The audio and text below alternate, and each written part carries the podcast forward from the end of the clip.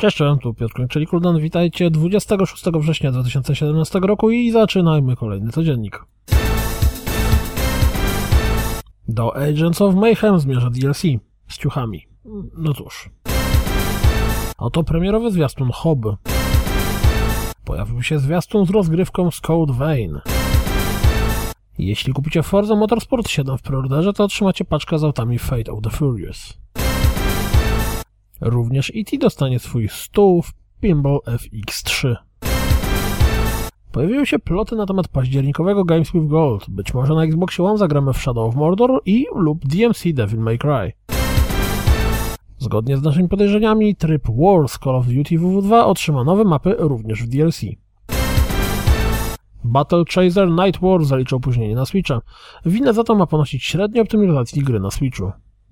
Znaczy, nie gry, a silnika Unity na Switchu.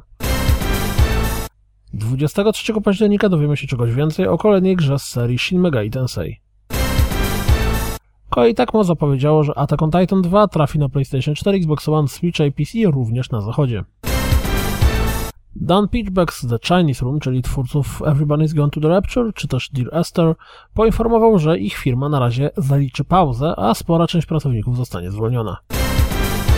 Pierwsze 19 minut z Total War Warhammer 2 wygląda tak. Dodatkowo możecie zobaczyć intro każdej frakcji z gry, a oprócz tego możemy obejrzeć sporo rozgrywki z Shadow of War, w tym jazdę na smoku. Pojawił się japoński zwiastun prezentujący rozgrywkę z Yakuza Online. To wszystko na dziś. Jak zawsze dziękuję za słuchanie. Jak zawsze zapraszam na www.rozgrywkapodcast.pl Jeśli doceniacie moją pracę, wesprzyjcie mnie na Patronite i mam nadzieję słyszymy się jutro. Trzymajcie się. Cześć!